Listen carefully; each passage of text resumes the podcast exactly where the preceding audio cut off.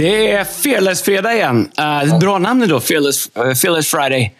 Uh, och det är en ny podd. Erik, hur har du? Ja, men jag har ju väldigt mycket att prata om idag. Alltså, otroligt mycket. Ja, jag har det är en vanlig dag helt enkelt. Nej, men, och du, alltså, vad börjar vi? Avsnitt 94, du är USA. Det, är liksom, det finns mycket. Men du är, du är direkt från Florida? Jag är i USA, här och mm. jobbar lite grann. Mm. Och härifrån ska jag vidare till Oklahoma, Tulsa, lite olika grejer. Chicago och så. Uh, hemma strax igen. Så det är gött, ser du. Vad var det, vad var det första du liksom stoppade i dig? Det första jag stoppade i mig, mm. otro, var var försenad. Sen så var det uh, otroligt lång passport control. Mm, du vet, du vet, så här, vissa stunder känns det som att alla plan kommer på en gång. Mm, mm. Det är SAS alltså. Jag gillar SAS, men det är orolig för SAS för att de, de lägger ner fler och fler linjer. Nu ska de sluta flyga på Chicago, hörde jag också. Allt ska gå via Köpenhamn och eh, alltså mardröm om de blir eh, vad heter det? Sky, ma, jag vet inte, Sky, Sky Team one, eller vad det One, uh, one World, va? Men de är, nej, nej, nej, inte One World. Inte One World. One World AB. Alltså, alltså Sky, Sky Team tror jag det heter. Det är alltså Air France, uh, KLM, Just det, just det. Och något annat. Vet, så här, ma, alltså, ma, alltså, jag vet att det låter löjligt, men om jag resten av mitt liv kan låta bli att flyga på Air France kommer jag göra det. Ja.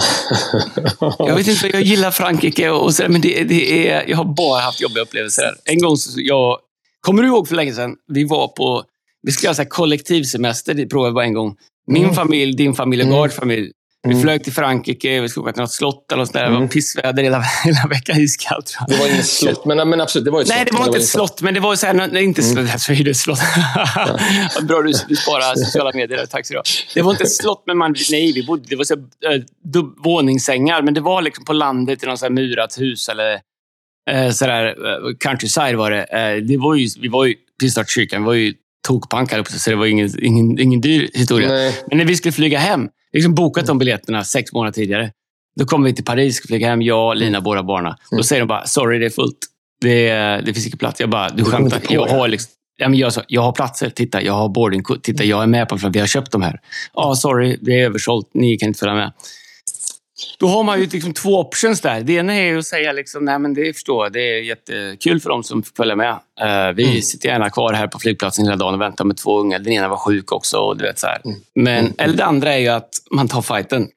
Fransmän är inte så lätt att ta fighten med. Men, uh, efter, jag fick säga till faktiskt, det var länge sedan, nu är jag mycket mer mm. sansad, men jag fick säga till Lina, ta med barnen och gå bort en bit härifrån, för det kommer, vi lösa det här.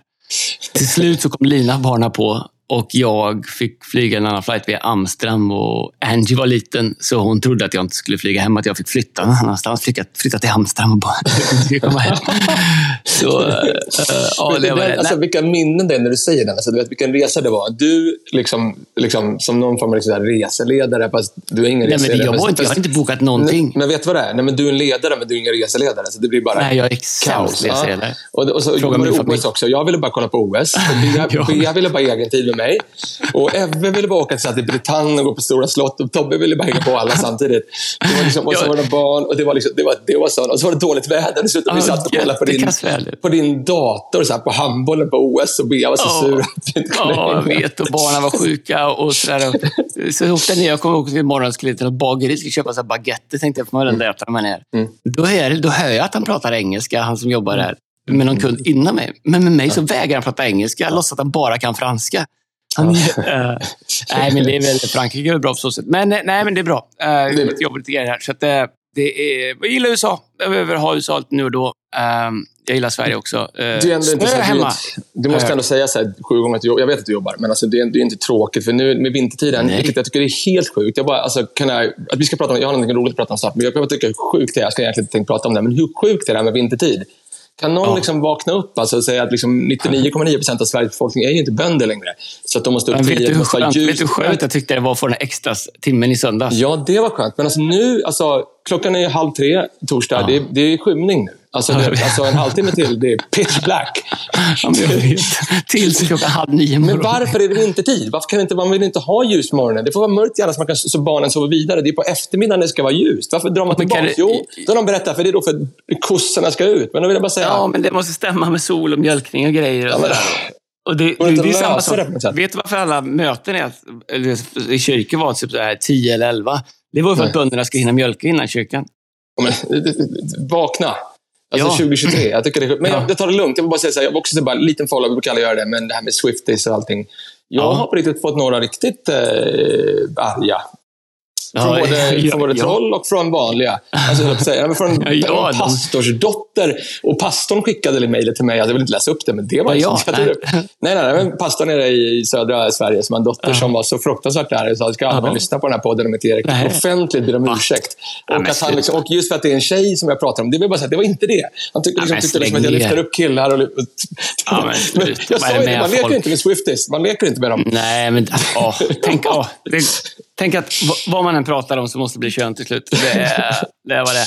Ja, äh, men, äh, har du lyssnat förresten på tal om Swifties? Ja, jag, jag, jag har lyssnat på den väldigt med Angie. Mm. Äh, sådär, va? Äh, mm. det, hon gillar dig. Hon tycker bara att du är lite opåläst. Men äh, å andra jag sidan... följa mig på sociala medier. Nej, men, så här, det har hon inte alls. Å andra sidan så har hon vuxit upp med mig, så att hon fattar ju precis att det, hur, hur allvarligt hon ska ta det här. Så att det är ju, hon fattar ju det. Ja, ja, ja, ja. Men har du lyssnat något på nya skivan? Eller? Jag har faktiskt gjort det. Det, det, är bra. bra. Det låter faktiskt fruktansvärt bra. Ja, ja. Vet du vad, jag ska skicka en eh. låt till dig. Vi ska inte spela in det, men jag lyssnade.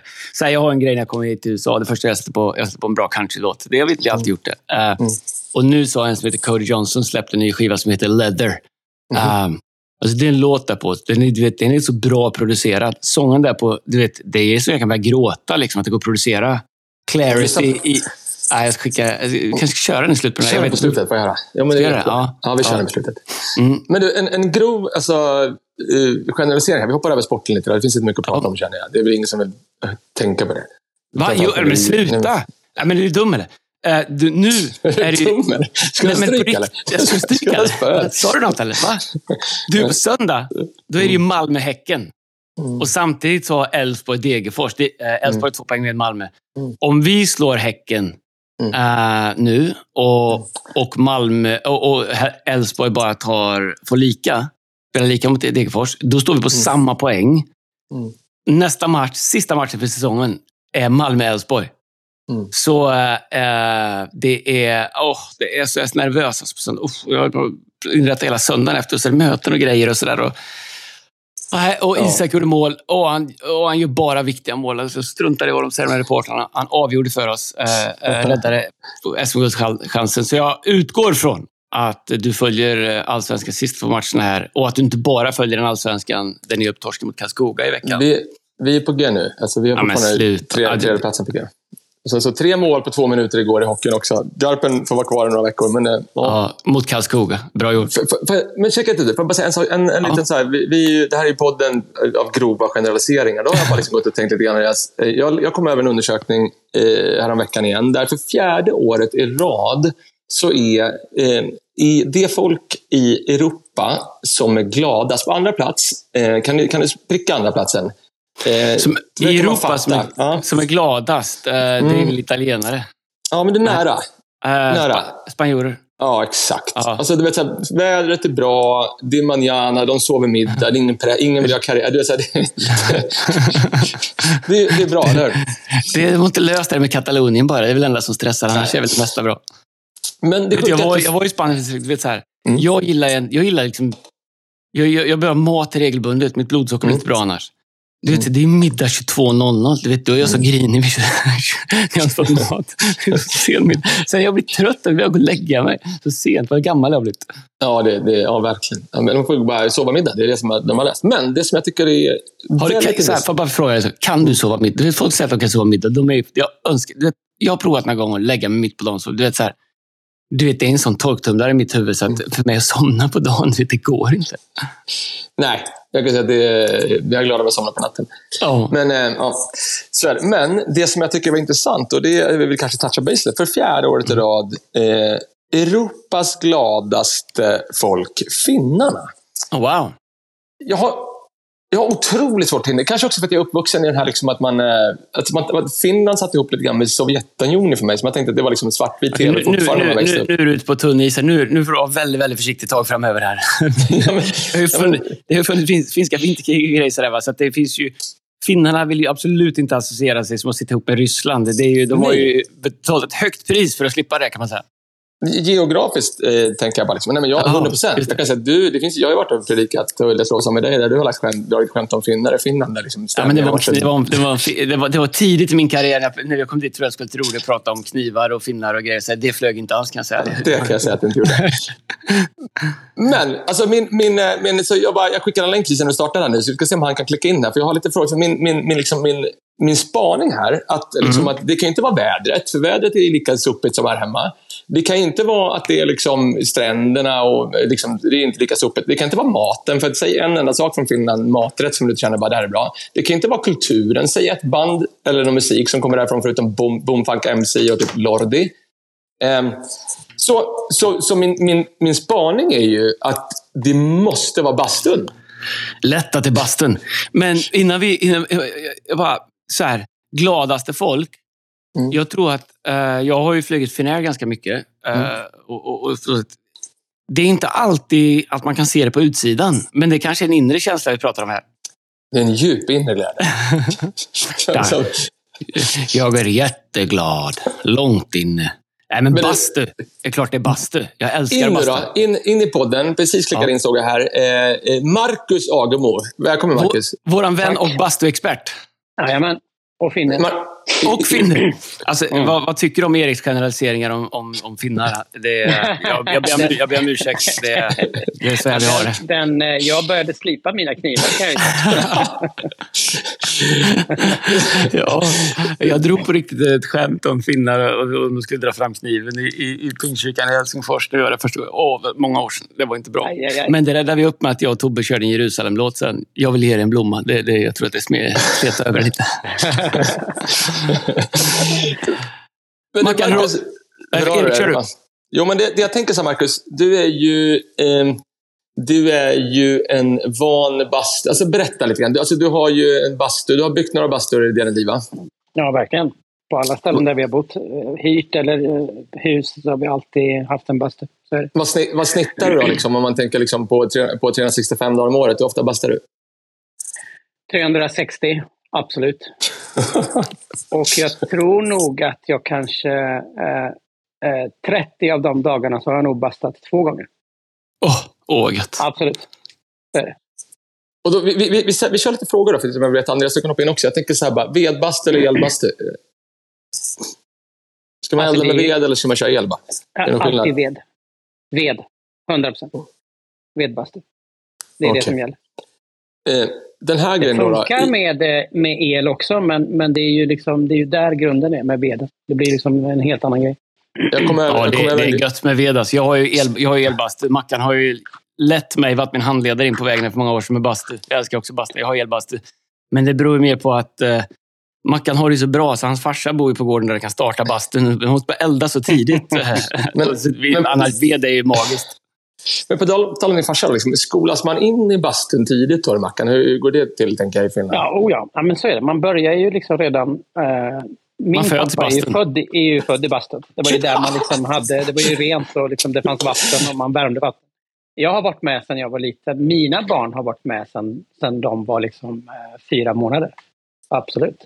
Men så man bastar liksom hela generationen. Jag vet ju faktiskt, jag ska inte prata så mycket, men och jag vet ju andra också. Vi, vi behöver inte säga att det är du, vi kan låtsas att det är någon annan. Men man sitter liksom hela familjen i flera generationer, näck i bastun ihop där och växer upp på det sättet. Alltså det var ju en utmaning när man började bli 15-16. Men, men i övrigt så, så, så, var det ju helt Men då kunde liksom moster och alla möjliga sitta där? Liksom. Ja, ja, då var... fick man sitta i knät för det fanns ingen plats. Då skrek moster. Men Mackan, den här, den här frågan då, Mackan. Alltså, badkläder eller naken i bastun? Äh, det är ju naken. Så är det oh. om man tänker på finskt vis. Så är det Absolut. Alltid naken. För det finns ju, det var det jag kom över den undersökningen, för det var ju något liksom rabalder uppe i Östersund, jag vet inte om du har följt det, för någon vecka sedan, när det var några gubbar som tyckte på den här, liksom, det fanns en unisex-bastu, där skulle ju alla basta nakna, tycker de. Och det lät ju helt eh, ob absurt, tyckte jag. Men, eh, men eh, man kanske kan ha killar för sig och tjejer för sig då. Ja, ja. Offentliga bastun. Men du Erik, på tal om naken, jag kan ju bjuda på en mm. grej. Uh, säkert någon som har ett kort. Om det kommer ut, det kommer att stämma. Jag, jag, kommer, jag kommer ha så mycket advokater som stämmer det, så det finns inte. Ska du berätta äh, det? Jag tror att du ska berätta nu. Ja, ska jag göra det? Eller? Det kan jag göra. Ja, jag, blir kanske... Ja, absolut. Jag, ja, det kanske jag, jag...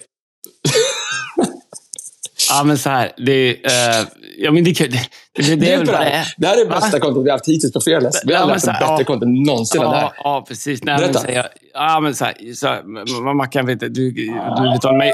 Jag byggde en bastu hemma. Mackan var min eh, eh, mentor hur den skulle byggas. Jag byggde den för fem sex år sedan. Bästa jag gjort. Jag bastar oh, hela tiden. Jag har ju då även satt in en glasskiva i min bastu Eh, till, så har jag liksom två kvadratmeter utanför glasskivans omklädningsrum. Och där har jag satt upp en storbilds-tv. Så jag kan sitta i bastun och kolla på en hockeymatch eller, eller liksom på perioder eller en halvlek. Och jag gillar att basta varmt. Så jag, jag bastar ju själv. Lina kan basta någon gång, sådär, tio minuter. Mina barn gillar inte att basta. Så det är liksom min space. Jag älskar det. Mm. Och, men, och sen så, under pandemin så hade vi så där, då var ju allt online och vi hade någon sån där evening college-grej eller söndagskvällsgrej. Jag tror Nathan Finoke eller någonting. Och jag skulle dra en bild på att jag sitter i bastun med eh, och lägga ut sociala medier. Jag tänkte det är bra. Men inte på mig själv, utan bara... Jag tog rakt fram på tvn. Uh, men glömde ju att jag tog kort genom en fönsterruta som speglades. Så jag satt ju helt näck i bastun, tog en bild på tvn och, och såg inte liksom att eftersom jag tog en bild genom en fönsterruta så speglades det. Jag satt och la ut och så la jag ut det. Bara, ah, skit, kolla, bla, bla. Sen började min telefon börja tokringa. Du ringde mig, jag tar dig först. Liksom, du, du är naken på Instagram. Och du vet, jag fick sån panik. här, här är sanningen. Jag, liksom, jag sliter åt en handduk, drar den om höfterna, ut liksom så här, ska, ska ta bort den. Då är det något med min telefon. Och det är inte ofta det. Då är det så nätverksfel. Jag kommer liksom inte åt. Jag kommer liksom inte in på... det tog säkert bara 10-15 sekunder, men de sekunderna var ju, de var ju mardröm kan jag säga. Åh, vad hemskt det var. Uh, och så tog jag ner den där och då, jag vet ju att det var säkert några som tog några screensavers och, och, och sådär. Va? Så det var ju fint om ni inte lägger upp dem. 18 likes hann jag få i alla fall.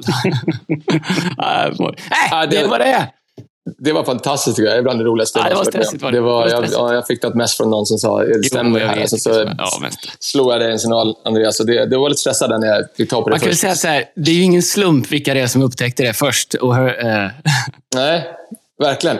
Men också att de vågade inte ringa till dig först. I alla fall den, utan de ringde till mig så fick jag ringa dig. Vad är det för vänner som inte ringer och säger det? Va? Ja, det du gjorde i alla fall det. Väldigt genant grej. Ja, it happens. It happens. Det, men så, så, så, jag, jag måste här och tacka Mackan för att jag har bastat lite grann när jag växte upp, så här, men inte kommit till någon bastukultur. Men Mackan har ju varit min handledare in på den vägen. Uh, visat mig hur jag skulle bygga jag byggde en bastu. Och nu bastar jag, ja, om jag är hemma och kan, så i alla fall fyra, fem gånger i veckan. Det är magiskt. Men då får vi med oss det, Mackan, att liksom det, jag hörde någon som sa det också, då, att om man ska vara näck, om man liksom tänker på att man, att man är näck, då är det för låg värme. Det ska vara så bra värme så att man inte, det är inte det man ska tänka på, utan det är något annat. Men du, då kommer nästa ja, fråga. Då. Alltså, vatten på stenarna eller, eller inte? Ja. Absolut. 100 procent. Men och, grejen är mm. så här att det här med, med att kasta vatten på stenar, det får inte hända förrän du har börjat svettas. Så du kan inte komma in och börja kasta vatten direkt, utan du måste svettas först. Exakt. Då kastar man vatten. Och varför är det så? Jag, jag har också hört det, så jag gör också så. Jag tror du har sagt det. Men varför är det så? Vad händer annars? Jag tror det har att göra med att du liksom ska svettas in först för att sen klara av den liksom mer eh, starka värme som kommer när du, när du kastar. För när man svettas, då har ju... Just det, för när man svettas, då har ju liksom, på, det, liksom huden har ju börjat öppna sig. Liksom. Och då, ja, för det finns ju så, jag har läst faktiskt en hel del om uh, bastu och alla fördelar med det. Det är ju otroligt många hälsofördelar med Bland annat liksom mm. att man svettas ut toxiner och alla möjliga saker. och Så, där. så det är väl det att innan man drar på för hög värme så ska liksom huden, som är kroppens största organ, om ni vill ha biologilektioner, den ska ju öppna upp sig och bara släppa ut liksom saker. Men Mackan, hur... Jag gillar ju att basta typ så här ja, men runt 90 grader, 80, om jag ska basta länge då, 85-90 grader och kanske ja, men mellan, runt 40, nu är jag lite, kan jag förmåga nörda in men runt 40-50 procent luftfuktighet och gärna runt 90 grader. Då kan man köra en timme och ja. Det där är bra. Det där är bra för en elbastu. När det gäller eh, ved så är det en helt annan eh, teologi bakom det där. Aha, då teologi. är det ju det att... Det, bastuteologi, det ah. då är det ju, börjar, Andreas. Du skulle skriva ja, bastubibeln, Mackan. Absolut. Men så är det. Jag håller på med det. Nej, men då, då är det ju så att där är det ju låga grader och sen är det enormt mycket luft i. Så att där liksom sakta, sakta så, så går det upp till kanske 70 grader. Men en helt annan värme och sen när du kastar så blir det ju en enorm Eh, värme som sen då sakta går ner igen. Och där kan du sitta en till två timmar. Vad sa du Mackan? Att det är mycket luft, eller menar du att det är mycket fukt i luften? Ja, det är mycket luft. Nej, mycket fukt. Eller ja. äh, luft. Förlåt. Och fukt såklart. Men luften gör, i och med att det, inom att det brinner så drar ju eh, elden drar ju jättemycket luft genom. Genom liksom ventiler, dörrspringor, överallt. Just det. Men det, vad, vad, vad, säger vi? Alltså, man måste ju bygga upp värmen. Värmen byggs ju uppifrån och ner. Så att man måste liksom få upp värmen. Så, ja, så värmen byggs från taket och sänks ner. Liksom. Så att det, är ja. ju, det är ju det här med att en del tyckte liksom att oh, flyttar du ner ett hack är du tönt. Eller? Mm. Men det är, ju, det är ju när du har byggt upp värmen uppifrån och fått ner den. Liksom. Då är det ju, ja, exakt. Eh, då är det gött att sitta där. Alltså, det är ju, ja, Hur är det annars liksom med, med snack i bastun? Ska man snacka eller ska man bara liksom sitta tyst och är det en andakt liksom, eller är det, är det liksom Nej, en... Man... det finns ju, man börjar, det är samma sak där. Du börjar med att vara tyst i bastun. Du börjar med att svettas. Sen börjar du kasta. Sen kan du liksom öppna upp för samtal. Men det finns en regel här. Och det är ju det att det är den äldsta i bastun som öppnar samtalet. Åh, oh, vad dröm. Jag gillar det. Åh, oh, vad gött det Jag har fattat med lyckliga finnarna. Det är perfekt. Hemma det är ju liksom, med två tonårstjejer. Jag börjar aldrig. Nej, han säger ingenting. Men det, det har jag hört också. Man ska inte hålla på liksom, Det är inget så här häng, liksom, utan det är en andaktsstund. Det, det, det jag kom över, att finnarna tycker så. Liksom. Och sen så var det någon som sa så här, ingen vätska överhuvudtaget. Nu eh, pratar jag inte bara, bara om liksom, alkohol, utan bara, ingen kola, inget vatten, ingenting. Det dricker man utanför. Äh, utanför ja, ja. Absolut. Ja. Är det så? Eller? Precis, så är det. Ja, så är det verkligen. Men man kan gå ut. Jag gillar... Och inte så här, fylla på lite så här, som jag gör ibland på sätt, så här, fylla på lite i munnen och spotta ut över liksom, aggregatet. Nej. Nej, nej, nej. Oh, nej. nej. Eh, men eh, jag gillar ju om jag bastar länge, man bastar typ en och en halv timme sådär. Då, det, då är det gött liksom, några gånger liksom, gå ut och sätta sig. Antingen så rulla i snön eller ta, hoppa i ett kallt bad om, det, om man har vatten här på. Eller bara, jag har en bänk jag kan sätta mig Då kan man ju dricka en flaska vatten där. Liksom. Man är utanför och så går man in igen. In och ut. Oh, ja. ska, ska, man gå in och ut? Är det okej, okay, Mackan? Ja, det tycker jag. Absolut. Jag menar, när, när det har gått den här stunden, du har svettats, du har börjat hälla på, kanske ja. två, tre gånger. Sen är det okej okay att gå ut. Ja. Då kommer man in igen. För man kommer in i en andra andning, tycker jag. Uh, man måste liksom över en kulle där liksom fysiskt. För sen så blir det skönt. Först det är lite jobbigt upp dit, men sen blir det skönt. Men uh, det ska vara så, så att uh, man känner att det svider lite i örontopparna precis där uppe. Då är det mm. lagom. Nej, hur är det med de här hur är det med granris och där? Alltså, liksom det här, alltså, Björkris. Björkris och grejer. Ja, det. inte gran. Inte gran. Ja, du vet Mackan, så här är det. Ja, det, det är hopplöst. Hade inte du och jag varit en Mackan, du hade ingen sagt emot det. det hade, ja, granris. Är det på sommaren eller? Det är på sommaren, ja men precis. Det, man kan ju ha den på vintern också, men på sommaren när det är midsommar, då plockar du ju björkriset. Sen så, farsan till exempel, han sparar ju sina och hänger upp dem på tork, tar in dem på julafton. Ibland fryser han dem och lägger ner dem. Jag gör inte jag har inte gått så långt, men han lägger ner dem i frysboxen, tar fram dem på julafton efter det att han har haft dem då på midsommarafton. Så det är samma vikta som det heter. Men är det inga löv kvar? Jo, jo, absolut. De fastnar. Man frysa fast han torkar den först, sen lägger han ah, i frysen. Fattar. Men, men, du, alltså, men, men, men tala in det. Har vi rätt i spaningen? Tror du att det är något annat? Eller är det bastun, Marcus? Är det det som, är det, det som gör finnarna lyckliga? Ja, det finns två saker med oss finnar. Det är ju det att det är bastun såklart. Men sen är det ju det att vi har extremt låga förväntningar. det är där det Wow! Det är där, ja, men det, så är det. Titta på alla finnar. Jag ser på mig själv. Otroligt låga förväntningar. Men inte ja, negativa skulle jag inte säga. Nej, nej, nej. Inte mer, mer liksom, det krävs väldigt lite för att bli tacksam, menar du? Exakt. Ja. För, men vet du, en annan spaning om man ska vara lite mer seriös. Uh, det läste en artikel om typ i våras. Finnarna har ju gjort en resa som påminner mycket om Sveriges, fast bättre, lite i smyg. Mm. Sverige var ett u-land i slutet på 1800-talet och gick upp liksom till liksom 80-talet var ett av världens rikaste länder. Folkhemmet slog igenom, utbildningen slog igenom. Eh, vi var liksom världsledande industri, alla möjliga saker. Nu, nu går vi åt helt fel håll. Finnarna har ju med sin mm. skola, eh, alltså, mm. det är ju liksom bland de bästa i världen när det kommer till skola. En många, eller jag tror att majoriteten av, av skolor i Finland säger att barnen ska inte ha läxor. Skolan ska de fokusera på i skolan. De ska lära sig tillräckligt mycket där så att de faktiskt kan ha tid att utöva intressen eller bygga sociala relationer eller öva på sin sociala liksom, samspel på fritiden. Ändå, så att de har inga läxor. Eh, de har mycket mer auktoritet och struktur i, i skolan än vad vi har. Eh, ändå så får de liksom snorhögt på alla nationella prov och, och kunskapsprov runt om i världen. Så fin, finska skolan, alltså de trycker ut otroligt bra folk nu. Eh, som inte bara är bra på att gå i skola, utan faktiskt har tid att göra andra saker också. Och Livskvaliteten tror jag är mycket högre än i Sverige för ungdomar. Ja, men verkligen. Och sen så tror jag liksom en spaning till som jag gör är liksom att det finns fortfarande liksom den tredje, den äldsta generationen jag har fortfarande krigat för sitt liv. Jag fick ett, jag fick ja. ett mejl, Andreas. Vi, vi touchade base kring Finland bara för några veckor sedan. Då fick jag det från en av våra liksom, trogna eh, lyssnare, Andreas Forsberg. Han, skrev, han, är, han är finne, eller från Finland. Eh, och då skriver han att mina kusiner i Finland lever i ett land som har ett vi.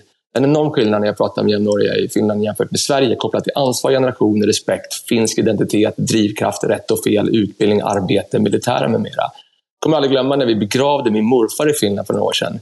När vi åkte genom stan i procession stannade alla bilar i trafiken. Folk hoppade av sina cyklar, byggarbetare slutade arbeta. Folk la, sina, eh, folk la undan sina mössor, kepsar och hjälmar mot bröstet och böjde huvudet i respekt inför processionen. När jag såg det började jag gråta mer än på begravningen jag vände till mina kusiner och sa det vi ser nu, ta aldrig det för givet. Det, det är också en liten spaning faktiskt. Ja, Absolut. Och det pratade vi om, för, vi pratade om det för några veckor sedan, just det här med uh, Nej, men I Sverige, vi älskar Sverige eh, såklart och födda där och mm. kallar det ja. Men jag tror det faktum att vi inte har haft svårigheter på det här sättet på så länge gjort mm. att vi, vi har vi är liksom så eh, invaggade i liksom...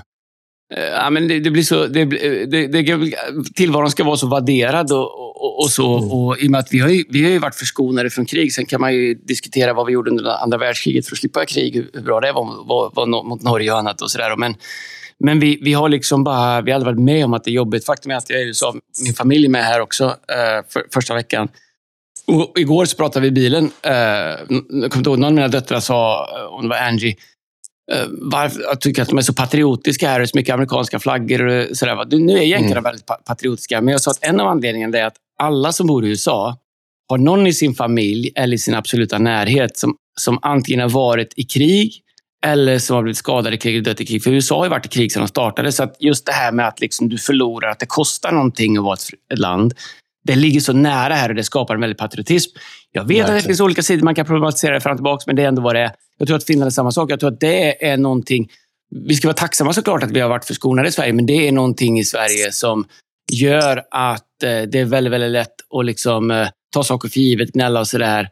Och, och, och, ibland så blir vi kanske inte lika benägna mm. att ta ansvar, för det har inte kostat oss. Vi kommer inte ihåg. Men jag vet ju vad min morfar, mycket han fick slita för att bygga någonting. Jag berättade för, eh, för Sellis också häromdagen att mm. vet, när man när, när, vi, när svenskar i slutet på 1800-talet kom och skulle bygga någonstans, då fick vi mm. liksom såga ner all skog för hand eh, i slutet på 1800-talet. Eh, du, du, du, du, var tvungen att dra upp rötterna hålla på med häst, därför att där skulle du göra ett gärde och sen skulle du mm. rensa det från all sten. Du vet, det var ett sånt otroligt jobb. Eh, och, och, och, få till ett gärde du kunde så. Eh, men så är det ju inte längre. Liksom. Så, så att det, uh, men det vill till att påminnas om uh, och att, uh, att vi har det så bra det har kostat människor i tidigare generationer väldigt, väldigt mycket och vi har ett ansvar att, att leva upp till det och, och, och föra det vidare. Verkligen. verkligen. Marcus, vi ska, vi ska lämna det. Vi ska vidare in i lite andra saker. Blir det, blir det bastu nu, eller? Ja, det blir det. Ska vi ta. Är det så? Ja. Den är på? Men lite mjukare då? Du är lite rosslig hö, lite... Ja, men när man är sjuk så ska man liksom på med det ännu mer. Ännu hårdare. Man ska driva ute. Det är min bastuteologi. ja. Sjukdom eh, ska drivas ut med bastu. Exakt. Ja, det är gött Mackan. Du är grym. Ha det gött bra Mackan. Vi kommer vi till dig snart och bastar. Ja, Ta hand om dig. Ta inte med Erik. Han är inte tyst i bastun. Jag kommer. Hej då. Hej då. Ja, det är bra. Fantastiskt. Otroligt ja, intressant. Ja, okay. Även mer bastu till, eh, till folket. Ja, jag känner att jag, det, någon dag ska ja. jag bygga en bastu. Det, ja. det, så är det. Det, det. det tycker jag du ska göra. Det är inte så himla svårt att göra. Alltså. Det, det går att göra. Du säger det till mig. Nej, men vi... vi... Helt omöjligt. Jag kan inte bättre. Nej, men så här. Du och jag kan bygga en bastu. Det var, det var jättekul. Det skulle vi filma. Det skulle bli en dokumentär. Det var jättekul. Mm. Det skulle bli skitkul. Men du, ja. Äh, ja, så pratar vi basta första halvtimmen. Det är inte alltid ja. vi gör. Ja, vad bra. Men ta med ja. det. Det finns ja. säkert någon som störde sig på någonting, men tack för att du delade så öppen, öppet, Andreas. Om den episoden för ditt liv. Det är ja. det bästa jag hört. Ja, det var det. Var det. det var stressigt.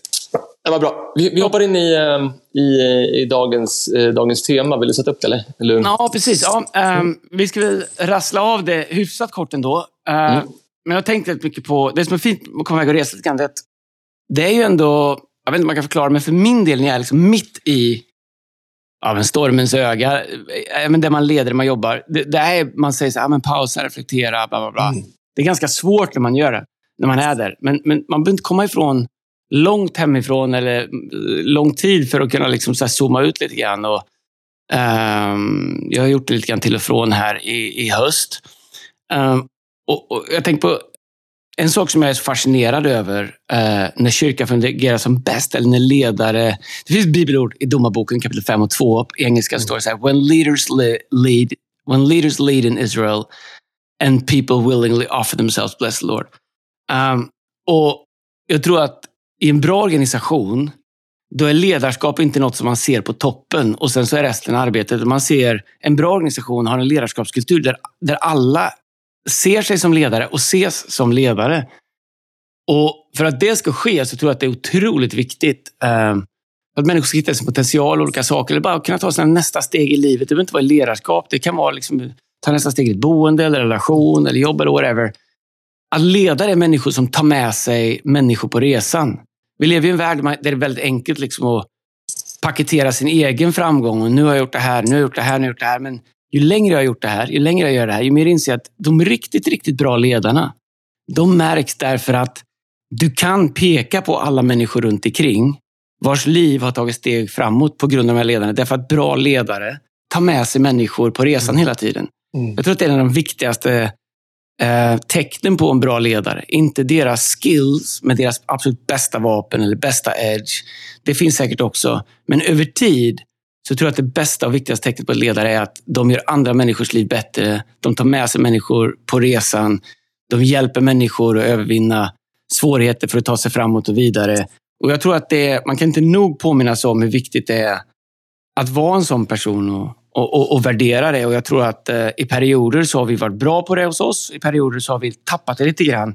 Jag tror att vi är på väg in i en ny säsong, mer än någonsin, som jag tror kommer revolutionera så mycket av det vi gör. Därför att det kommer så otroligt mycket nya människor till kyrkan. Det finns så otroligt fantastiska människor i huset, som det säkert finns i din organisation, du som lyssnar på det här. Men frågan mm. är, har du en plan för att ta med dem på resan? Har du en plan för att hjälpa dem ta nya steg? Sorry, långt intro, men uh, det är något som jag funderat på.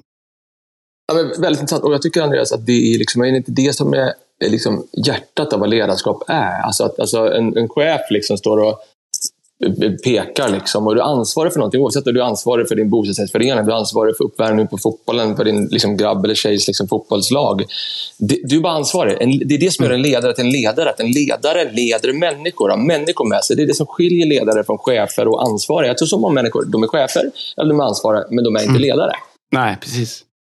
det är en jättebra reflektion. Uh, och jag tycker man kan se det man ser på ledare att de har alltid folk runt omkring sig. När det finns vissa funktioner och roller som man har där, som kanske är annorlunda för vissa ledare. Så där. Men jag tror att hur man kommer in i en organisation är väldigt, väldigt intressant. Därför att antingen kan du komma in och säga vad är min roll? Vad är min befattning? Vad är min arbetsbeskrivning? Vad förväntas jag göra? Bla, bla.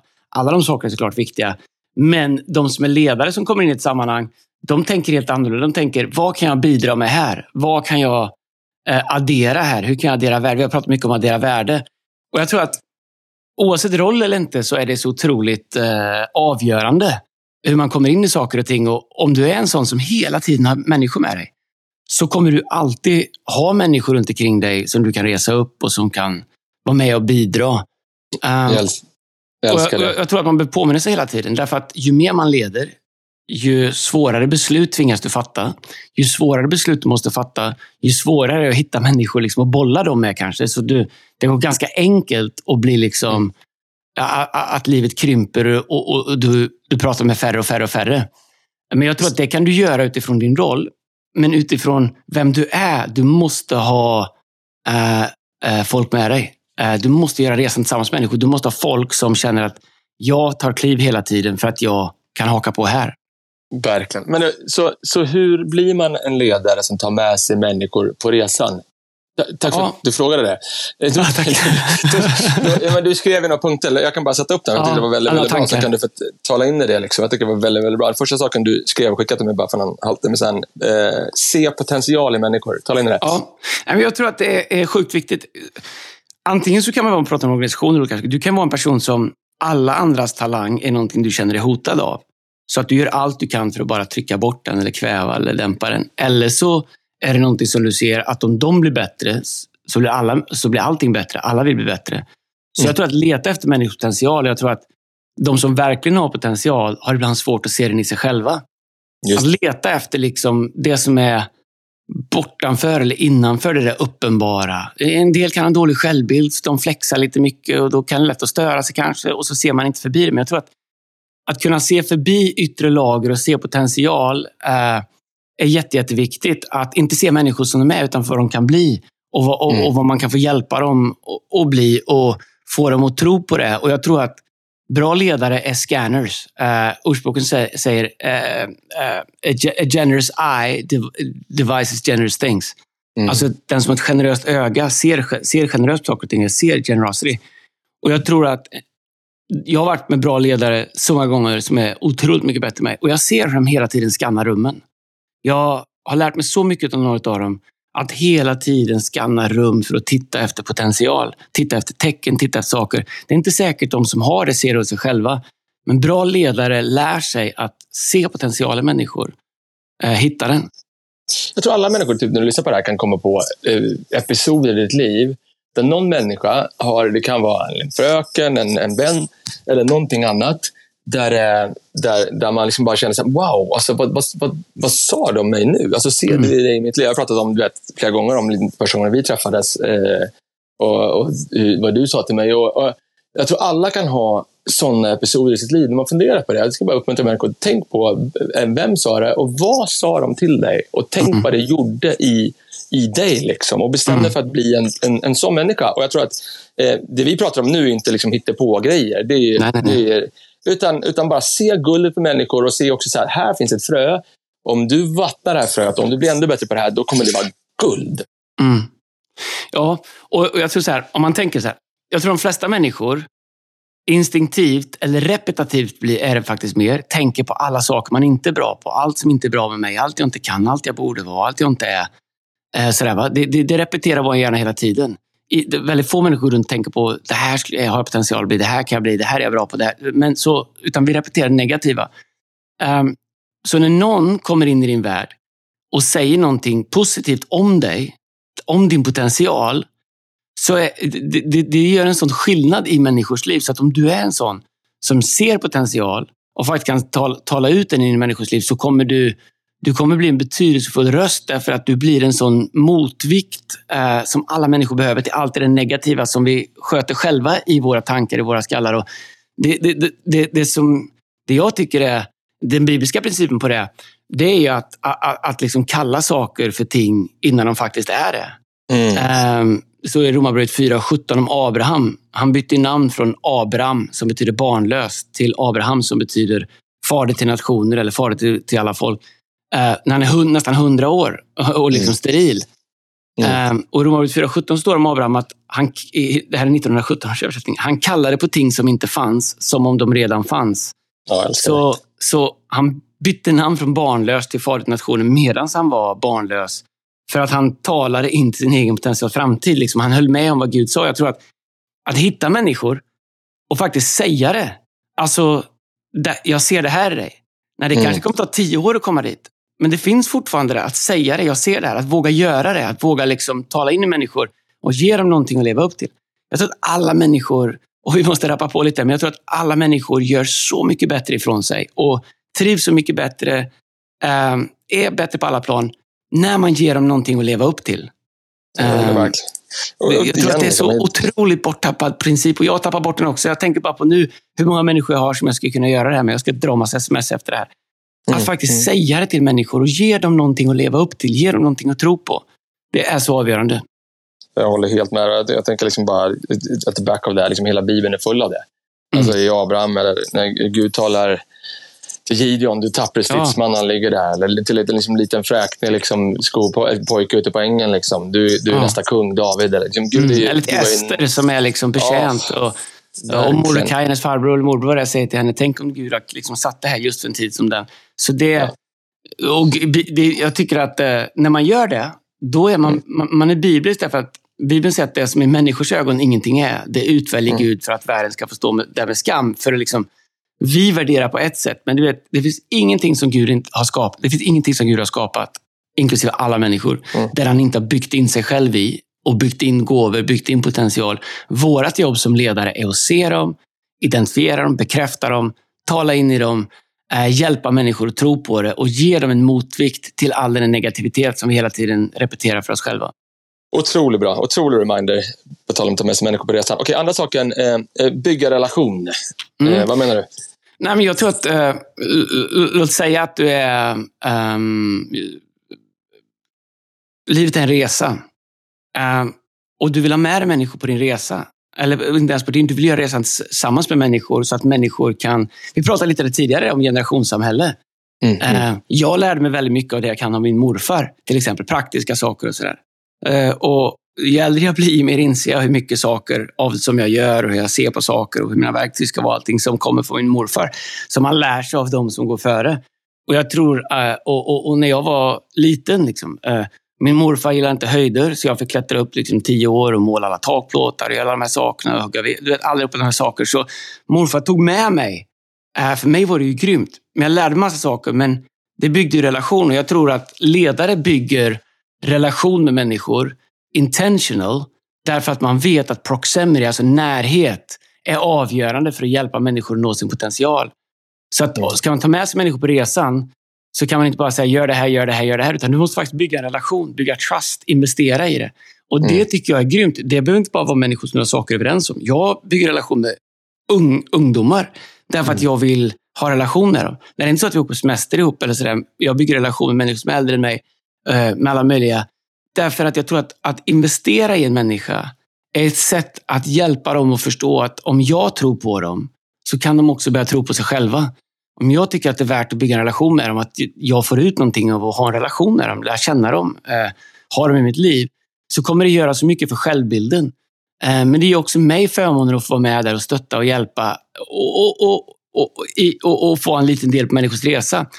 Så jag tror att det här med relationer är så otroligt viktigt och det är så borttappat ibland. Att bygga intentional relationer, att investera, mm. att gå efter dem. Ibland pratar vi om det, att vi vill göra det med människor som vi kan dra ifrån, som vi kan lära oss av. Och det är jätte, jätteviktigt. Eh, jag har haft några år nu när jag har byggt intentional relationships med människor som kan hjälpa mig, som jag kan lära mig av. Eh, och det är en, eh, vissa delar av min resa här handlar om det också. men det är lika viktigt att bygga det med människor som du egentligen inte behöver i ditt liv, bara för att kunna investera i deras potential och, och få, vara, um, få vara en blessing i deras resa på deras potential. Verkligen. Jag tycker det är så bra. Jag vill påminna om det här om veckan, att vi, eh, vi var nere, och ledde Låsång i Allingsås. Jag höll på att säga vart, vi var på västkusten, men Allingsås, nästan västkusten. Och eh, hade med mig eh, lite, lite folk i, som spelade. Så jag satt och snackade med en gitarrist på hela vägen ner. Liksom. Vi fick en fyra, fem timmar liksom, i bilen. Sådär, och, eh, och sen så ledde vi Låsång ihop nästa söndag efteråt eh, på kvällen i Stockholm city. Och jag bara kände liksom halvvägs in i det att wow, här finns en relation som vi har byggt nu mm. igen. Och Det kan ju vara så man inte alltid gör det, men jag kände att där finns någonting att ta av. Liksom, och, mm. eh, eh, vad värt det är och vad viktigt det är. Och det är så lätt då, som, som som chef eller ansvarig för grejer, att man liksom delegerar bort det. Man tänker jag måste bara få uppgiften gjord. Ja. Men om du gör det hela tiden så till slut så kommer du inte ha människor med dig på resan. Utan man, man måste bygga relation med dem också. Det går inte. Det är det som skiljer en ledare från chef. Det är det vi pratar om. Ju. Det, ja. ja. Och, och, att ha ett relationellt kapital att leda ifrån är avgörande. Mm. För mm. Eh, lite nu och då så måste en ledare göra calls som kanske mm. alla inte är helt överens om eller ser eller förstår just nu. Då måste det finnas ett relationellt kapital som man har byggt där innan. Att Mm. Okej, okay, nu fattar min ledare ett beslut här som jag verkligen inte förstår. Men vi har ett så bra och starkt relationellt kapital så att jag, han, han eller hon har, har liksom visat så mycket, mycket en tro på mig så att, så att det här beslutet som fattas, det, det är liksom det är inga problem för vi har ett så starkt relationellt kapital. Så att jag, jag, och när saker går fort och man växer, och det har vi haft jätteutmaningar med i all den extremt snabba tillväxt vi har haft. Eh, när man inte hinner med att bygga det relationella kapitalet, då blir det bara liksom work. Så det, det är inte roligt. Det går inte mm. över tid. Ja, fantastiskt. Okej, tredje saken. Eh, bjuda in till vision. Yes, vi rappar på lite där med att ta med sig mm. människor på resan. Jag tror att mm. det är en jättestor skillnad att bjuda in till vision eller bjuda in till uppdrag. Om du har människor som du vill ta med dig på mm. resan. Du kan bjuda in dem till uppdrag. Gör det här, gör det här, gör det här. Eh, och så, eh, Men, och det är en sak. Men att bjuda in till vision, det är ju att göra människor till ägare av det som de är en del av. Inte bara att de får vara med och hjälpa till eller få chansen. och du vet så här, så här, du, kan, du kan få spela fem minuter för en klubb eller du kan få bli delägare i klubben. Jag tror att det finns en sån kraft i att göra människor till ägare, att bjuda in dem till att bli en del av visionen, bli en ägare av visionen. Um, som vi har vare sig det är kyrka, företag, familj eller vad det är. Därför mm. att den som äger visionen um, är ju den liksom som på något sätt har uh, mest både makt men också liksom why och allt möjligt hit och dit. Och om du är ensam med den och bara delar ut uppgifter, mm. då har du människor som, bara, som kommer komma och gå. Mm. Uh, därför att deras jobb är att hjälpa dig med din vision. Det är ett uselt sätt att leda och ett sätt att aldrig få människor runt omkring dig eller aldrig resa människor. Men att bjuda in människor och säga hej, tänk om vi skulle kunna göra det tillsammans. Mm. Tänk om jag tar min del, du tar din. Tänk, tänk, om, tänk vad vi tillsammans skulle kunna achieve eller tillsammans skulle kunna göra som ägare av det här. Um, Men en spaning jag tror att det är jätteviktigt. Ja. Tala in det om du tror att om jag har rätt i det. Jag tänker så här, människor som är duktiga på att bjuda in till vision. Eller, eller tvärtom. Människor, när man är i säsonger där man, när man inte är lika duktig på det utan man delegerar mer ansvar.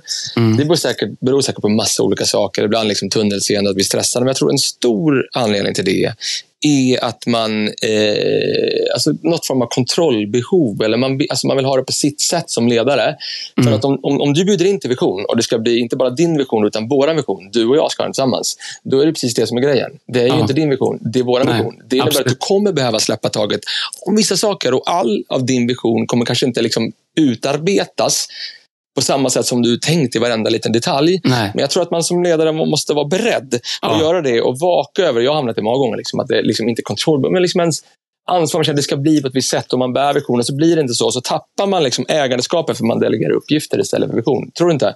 Jo, det är, det är helt rätt och, och, och det är ju jättesvårt. Jag tror att om man inte törs göra det, Alltså dela ut liksom att eh, man inte alltid behöver få det på sina sätt, utan törs liksom dela ut Om, om man inte törs göra det, då får du liksom bara arbetande halvrobotar. Mm. Om du delar ut vision, att människor får med färre än själva, då får du kreatörer, entreprenörer, sådana som skapar, som vill, som vill bidra. Och Jag tror att får du inte det så kommer du aldrig kunna göra någonting. Jag tror att det är väldigt viktigt att definiera för sig själv och även för liksom ibland för gruppen. Eh, vad i visionen eh, är oförhandlingsbart och, och, och, och, är mitt jobb som ledare att vaka över. Inte hela visionen, det är ofta en liten del, vissa saker. Eh, för att sen vissa andra saker säga, okej okay, de här sakerna måste jag kunna släppa taget om. Det kanske inte blir exakt som jag hade tänkt. Ofta blir det bättre då. Det kanske inte ser ut eller låter exakt som jag tänkt. Ofta blir det bättre då. Men mm. jag tror att eh, om det finns en unclarity av, okej, okay, vad är oförhandlingsbart? Om det inte är klart, då är det risk som ledare att man försöker hålla alltihop. Liksom, därför att du är rädd att det där som du inte har definierat skulle kunna bli annorlunda, vilket det inte ska bli. Så därför är det så viktigt att definiera, okay, vad är inte förhandlingsbart och varför är det inte det? Men vad är öppet för, liksom, vi kan göra på olika sätt. Bestäm du, kom ett förslag, bla bla. Och jag tror att det är där ibland som vi går vilse. Att vi, vi tänker att vi har liksom berättat eller sagt så många gånger liksom, vad är vad. Men du vet, så här, det kommer nya människor hela tiden, vi glömmer, saker förändras. Så jag tror att man som grupp och som team behöver vara överens om att de är överens om att de här sakerna, liksom, de, de, de vill vi ha på det här sättet. De är liksom mm. non-negotiables. Det kanske är 10-15 procent. Eh, vilket gör att de andra sakerna, de kan se lite olika ut så länge vi är överens om 10-15. När de 10-15 börjar ifrågasättas och, och, och, och, för många vill vara med och pilla i dem kanske, nej, då blir det ju rörigt. Eh, mm. Därför att då måste du fightas med din grupp om de 10-15 procenten. Och då, det som händer så lätt som ledare, jag har hamnat det så många gånger, det är att liksom, det, besky, det är liksom känslan av att du måste beskydda de där sakerna som inte får liksom fipplas med. För de kanske av Gud givna eller, eller liksom ett ansvar du har att förvalta.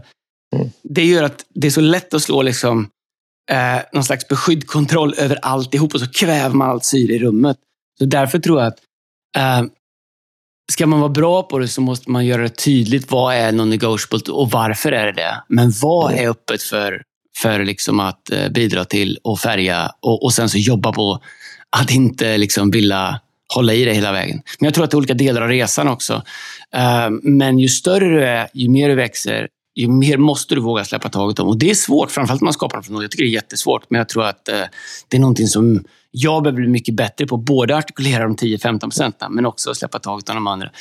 Och samtidigt, om man tittar på en team, på liksom teamperspektiv.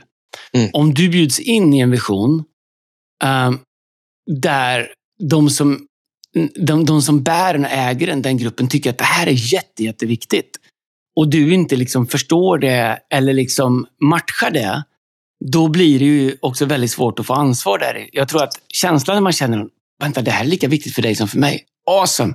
Den release som man ger de personerna, så om du är en del av ett team, när du tar samma ägandeskap över visionen som de som kanske har startat den eller whatever, gjort olika saker. Mm. Eh, då, det är vägen till frihet. Det är vägen till trust. Det är vägen till liksom, eh, måla utanför linjerna.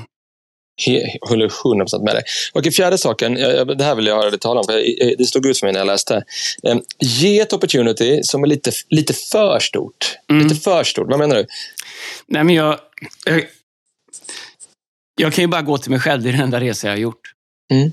Alla saker i mitt liv som har blivit viktiga kommer ifrån att jag har fått en uppgift, ett opportunity, ett förtroende som har varit lite för stort för mig.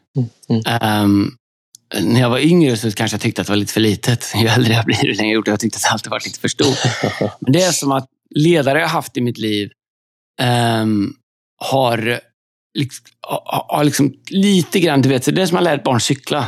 Till slut när du är trött på att springa bredvid där och hålla i så skickar du iväg dem och tänker nu, går, nu får det gå. Mm. Uh, vi får se om de är redo. Men någon gång måste du liksom skicka iväg dem när du har tagit av stödhjul. Du kan inte springa bredvid resten av livet. Och Jag tror att man måste ge människor something to to um, uh, rise up to. Mm. Uh, och jag mm. tror att människor med potential, de, liksom, de reser sig upp till opportunity. De reser sig upp till liksom, och, och, och det, människor blir bättre än vad de trodde att de var. Därför så tror jag alltid på liksom, absolut karaktär och allt upp så där ska finnas. Men att ge opportunity blir lite för stort. Uh, så att de känner liksom att det här blir liksom, det här är liksom stort. Det här är liksom nästan för mycket. Liksom. Men det som händer är att de tvingas växa in i det. Vilket mm. gör att man växer, man utvecklas, man blir större. Eh, mm. Att våga ge opportunities som är lite, lite för stora för dem. Inte så stora så att de går sönder eller så att de tappar, liksom, saker inte funkar. Men som är lite för stora för dem. Eh, det sänder också mm. en signal om att jag ser mer i dig än vad du gör. Mm. Och Jag tror att det är jätteviktigt att våga göra det. Älskar det. Ta med det. Femte saken, Andreas. Vi wrappar upp de tre sista punkterna här. Att, att vara en long term vän till deras Destiny. Just alltså det. Det, deras... det svengelskan ja. i Fearless, den är som bäst. Ja, den är fantastisk. long term vän till deras Destiny. Nej, men jag tror så här, uh, så här, Människor kommer inte fråga så mycket uh, efter vad du kan göra för dem.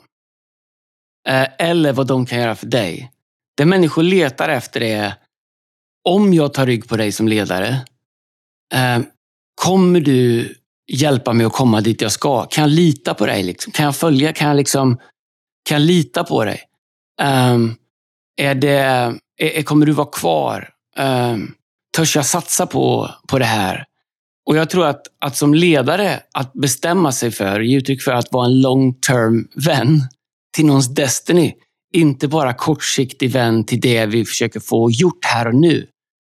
Jag tror att det vi får gjort här och nu kommer bli så otroligt mycket bättre om man som ledare eh, bestämmer sig för att vara, bestämmer sig för att uttrycka och signalera att jag är en long term vän till ditt Destiny. Det finns någonting i ditt liv som är it's long, it's big, it's a lifetime and I'm here for all of it. Um, jag tror att det är jätte, jätteviktigt därför att det gör att man vågar ta rygg på, vågar följa, vågar ge sig till. Verkligen. Jag hörde någon som sa, eh, i alla fall det var ett samtal kring det, liksom, som pratade om kärlek och vad, vad, liksom, vad, vad äkta kärlek är. Liksom. Äkta kärlek som ges, liksom, eller att jag känner att jag, någon människa känner jag älskar dig nu, inte för att jag kan få ut någonting av det nu, eh, utan jag älskar dig för att jag älskar dig, eller jag älskar ditt mm. Destiny. Mm. Inte så att nu, nu ska jag bjuda dig på en kaffe, eller jag älskar dig, eller kommer käka middag hos mig, men i slutet av dagen så finns det en lång det finns en long term game liksom, där, där du en dag ska klippa filmer åt mig till This Christmas. Förstår du? Men, välkommen hem på middag hos oss. För övrigt så tänkte jag att alla ska hjälpas åt att städa hela huset innan ni går. Ja, precis. Eller man, vet, man är på middag så bara sista, du vet, innan man går, bara, bara en sak. Skulle du kunna hjälpa mig? Du vet, man bara, okay.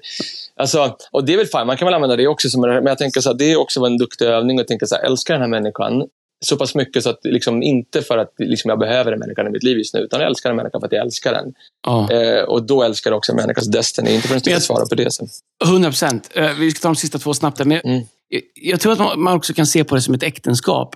Mm. Eh, jag och Lina har varit gifta 21 år. Vi har ju mestadels haft bra dagar, men vi har ju haft alla sorters dagar såklart. Du vet, vissa mm. dagar är superlätta, vissa får man kämpa lite mm. mer. Men en sak som är glasklart för oss båda, det är ju att, eh, att skiljas eller liksom bryta upp det här vi har. Det är inte, it's not on the table. Det är ingen option. Nej. Det finns Nej. liksom inte med, utan we're in this for life. Ja. ja. Och jag tror att när man väl har sådana relationer, vare sig det är äktenskap eller människor du reser med, där man vet att okej, okay, we're in this for life. Okej, okay, så känner jag med dig. Du behöver inte svara just nu om du känner annorlunda. Men så känner jag. då känner jag så här. Nej, men då känner jag så här. Då behöver man inte vara stressad i olika säsonger. Därför att man, kommer ha olika grejer, men det är lugnt. We got a lifetime to do this. We're, mm. liksom, Destiny forever. It's long term. Och jag tror att om du inte investerar det, om du inte liksom, tänker på det, vilket jag glömmer ofta bort ibland också. Men om du inte gör det, att du inte signalerar det, då skapar du en otrygg runt, otrygghet runt omkring det där människor till slut kommer känna, ja, men är jag här så länge liksom jag hjälper till med opportunity eller så länge jag har något att bidra med, eller så länge jag, eller, liksom, när blir jag ombedd att jag längre inte har en plats vid bordet?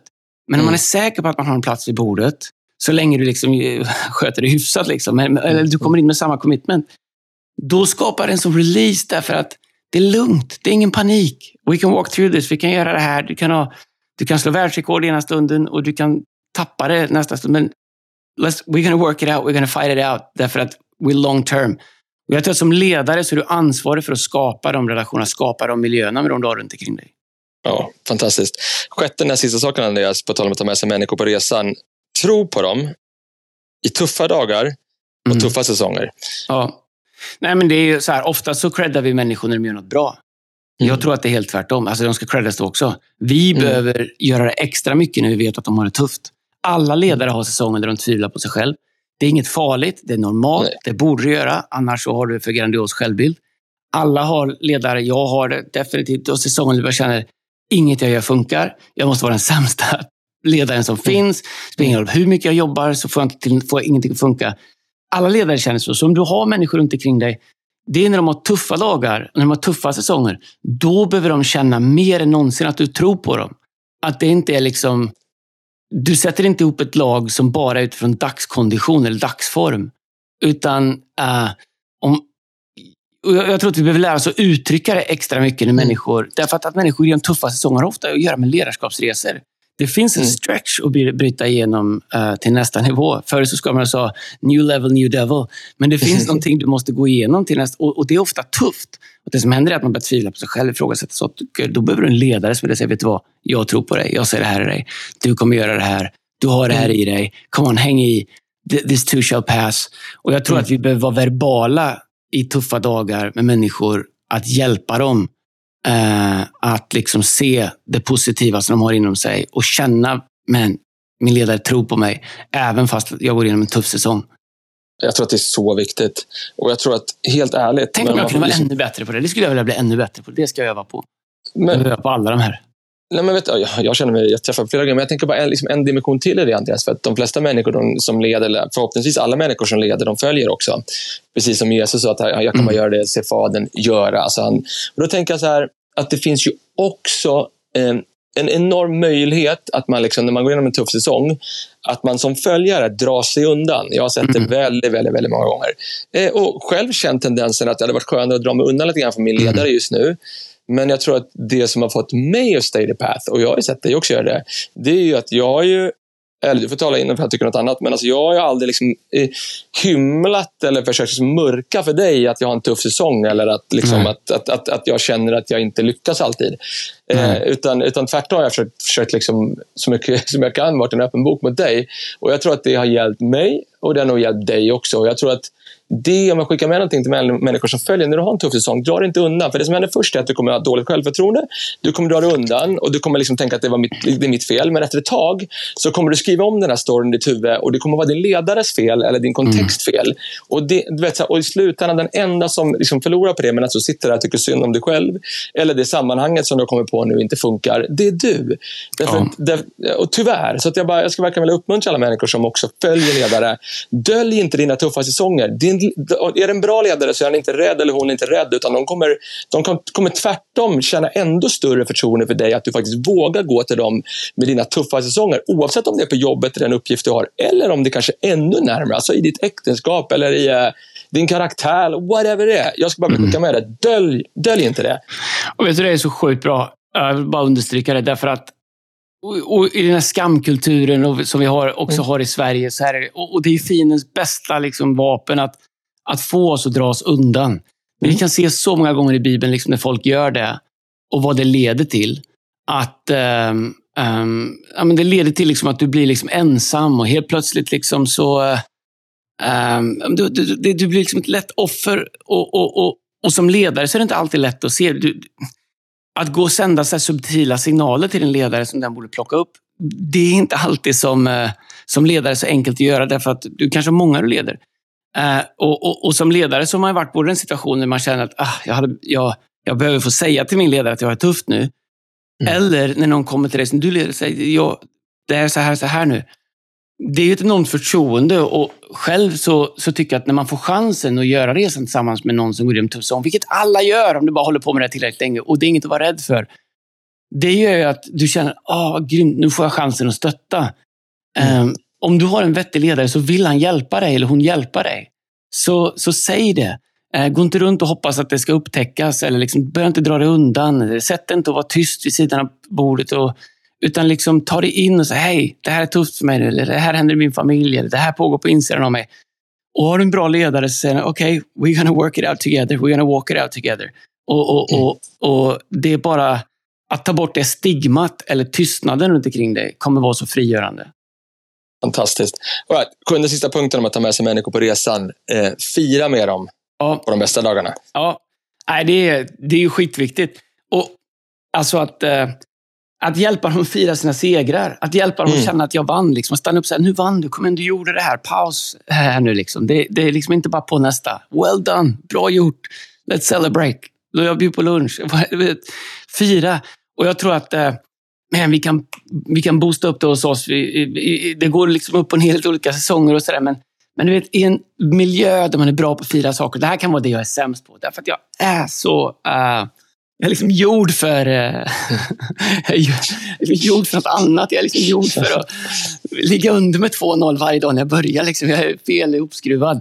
Jag har liksom mm. aldrig haft tid att fira. Jag har inte, blivit, jag har inte firat mig själv heller. Så jag, jag är kass på det. Jag bidrar inte mm. att vara en organisation som jag borde. Så att vem som helst var en kyrka som jag hörde känner att det tar jag välkommen.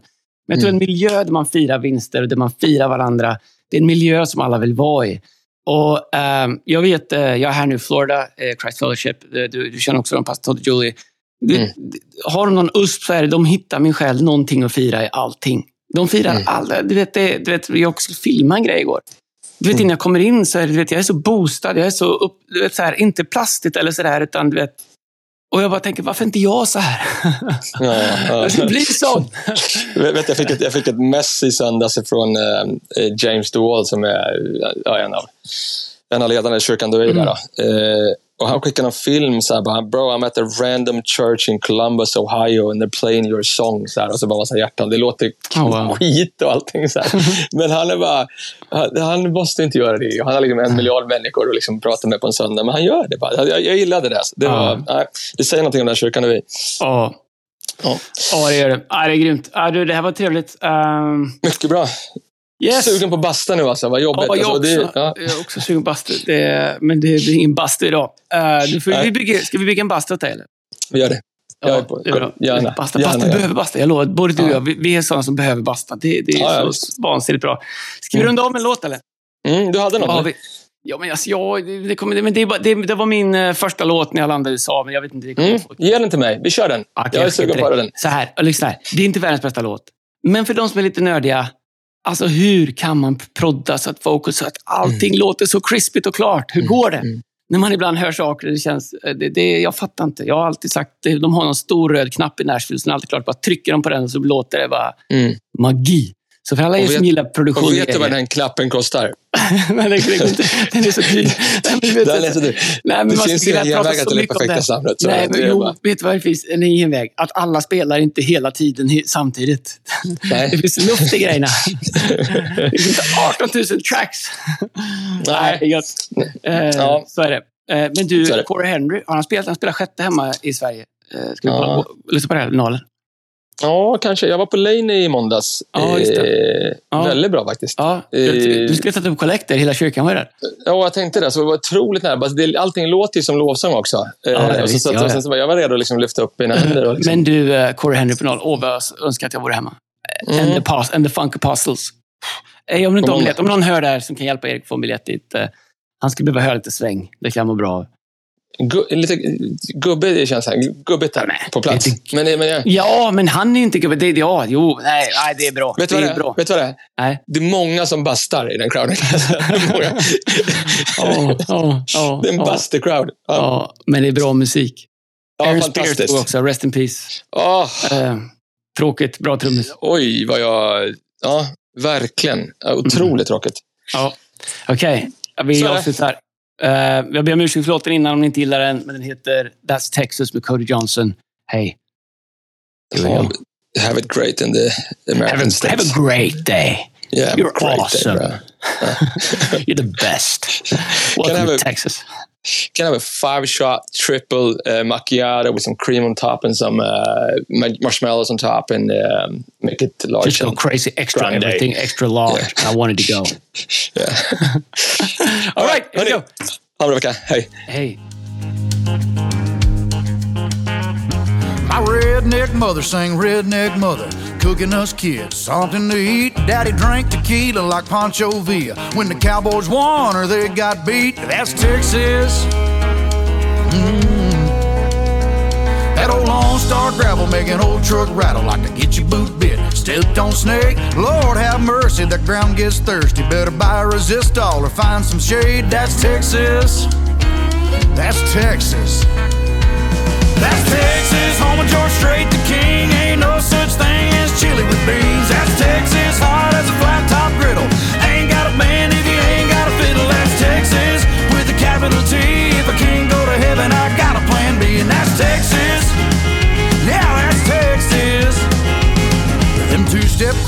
bring you to your knees. Yeah, buddy, God sure blessed them. There's 50 states, but at the end of the day, there's one that you don't mess with. That's Texas, home of Robert Earl Keen. Ain't no such thing as chili with beans. That's Texas, hot as a flat top griddle. Ain't got a band if you ain't got a fiddle. That's Texas, with a capital T. If I can't go to heaven, I got a plan B, and that's Texas. Yeah, that's Texas. Tell them about it,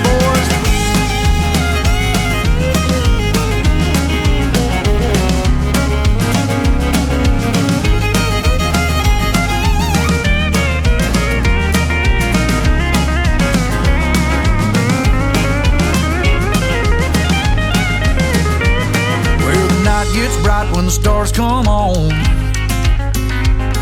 Where every bar is a honky tonk. That's Texas, home of the CJB. Ain't no such thing as chili with beans.